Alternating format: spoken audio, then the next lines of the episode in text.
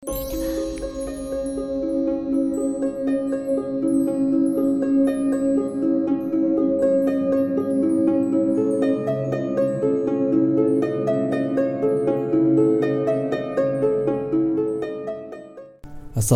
warahmatullahi wabarakatuh. Salam sejahtera untuk kita semuanya. Semoga kita tetap dalam keadaan yang sehat.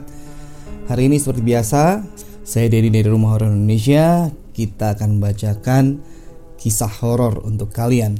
Dan untuk kisah horor kali ini akan dibagi menjadi dua bagian ya. Jadi ini akan menceritakan pengalaman mistis seorang pengamen ya. Jadi silahkan disimak. Kisah horor pengamen Brebes. Ditendang hantu rumah sakit. Waktu itu saya masih duduk di bangku sekolah kelas 2 SMA.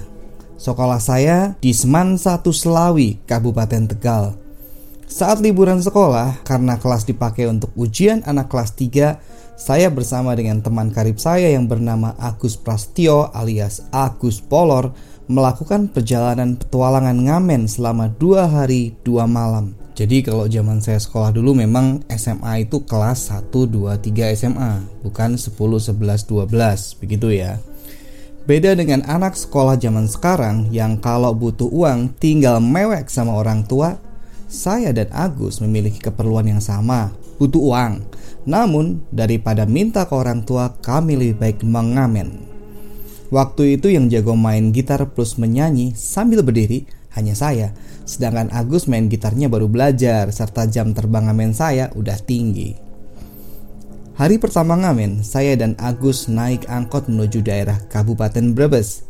Start ngamen dari daerah Sumur Panggang. Saya dan Agus mengamen dari rumah ke rumah. Saat zuhur kami beristirahat sejenak untuk makan di warung. Lalu melanjutkan lagi ngamen dari rumah ke rumah hingga sore hari. Memasuki malam, kami bingung mau nginep di mana. Setelah diskusi dengan Agus, disepakati kita menginap di RSUD Brebes, Rumah Sakit Umum Daerah ya.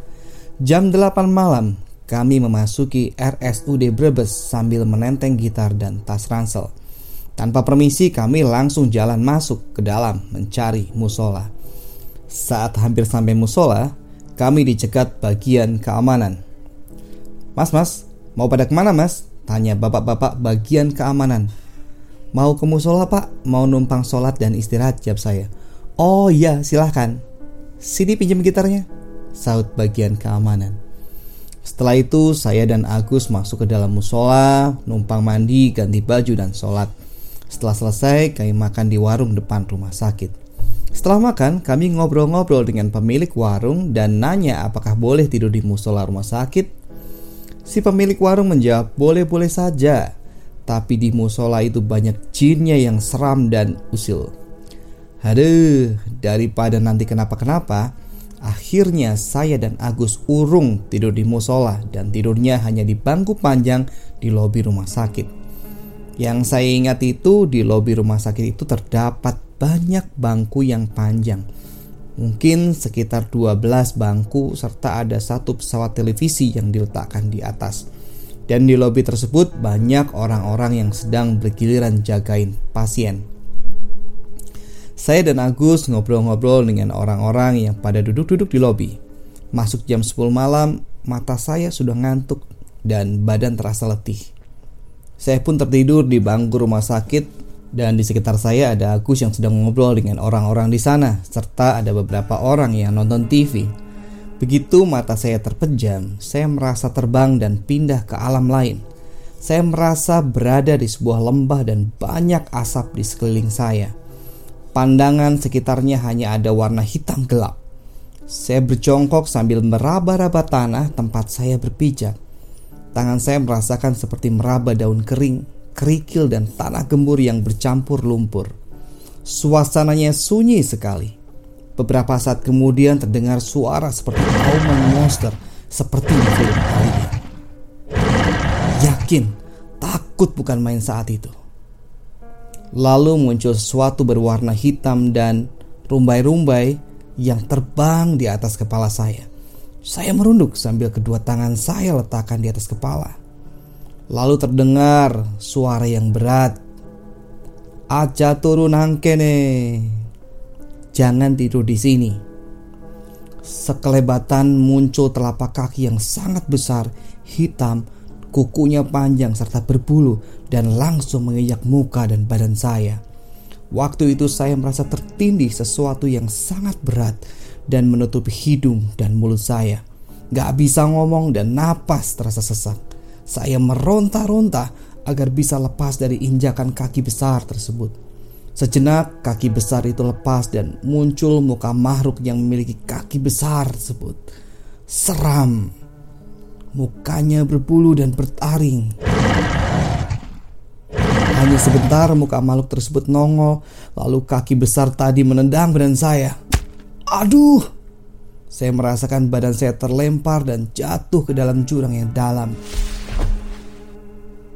Saya terjaga Ternyata saya jatuh dari bangku rumah sakit dan orang-orang di sekitar saya bersama dengan Agus pada tertawa.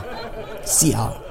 Namun ada satu orang bapak-bapak yang menghampiri saya dan memapah saya kembali duduk di bangku serta berbisik. Kon Miki turun yang kene orang maca donga ya. Mesti dikerjain lembut kene. Yang artinya gini, kamu tadi tidur di sini nggak baca doa ya? Pasti kamu dikerjain sama lembut penunggu sini. Saya menjawab, iya pak, saya lupa nggak baca doa. Bapak-bapak tersebut menyuruh saya segera ke kamar mandi dan cuci muka. Baru berjalan beberapa meter meninggalkan lobi, saya melihat kuntilanak menembus salah satu pintu kamar pasien dan berbelok membelakangi saya. Entah kenapa saya memandangi terus ke mana kuntilanak tersebut berjalan mengambang. Kuntilanak tersebut masuk ke kamar lain. Saya mengikuti arah ke mana kuntilanak tersebut masuk. Ternyata masuk ke kamar mayat. Saya segera bergegas ke kamar mandi untuk cuci muka. Selesai cuci muka, saya keluar kamar mandi. Eh, bapak yang tadi sudah menunggu di luar sambil membawa air putih dalam gelas. Mas, kie banyak putih diombe. Eh, benora ditemplok di lembut terus. Mas, ini air putih diminum biar nggak diikuti setan terus. Alhamdulillah setelah itu saya kembali tidur di bangku kayu tapi tidak pindah ke alam lain lagi. Nah gitu teman-teman cerita pengalaman mistis dari pengamen Brebes Dan di episode berikutnya kita akan lanjutkan petualangannya ya Masih dari pengamen yang sama Terima kasih sudah menyimak sampai akhir Wassalamualaikum warahmatullahi wabarakatuh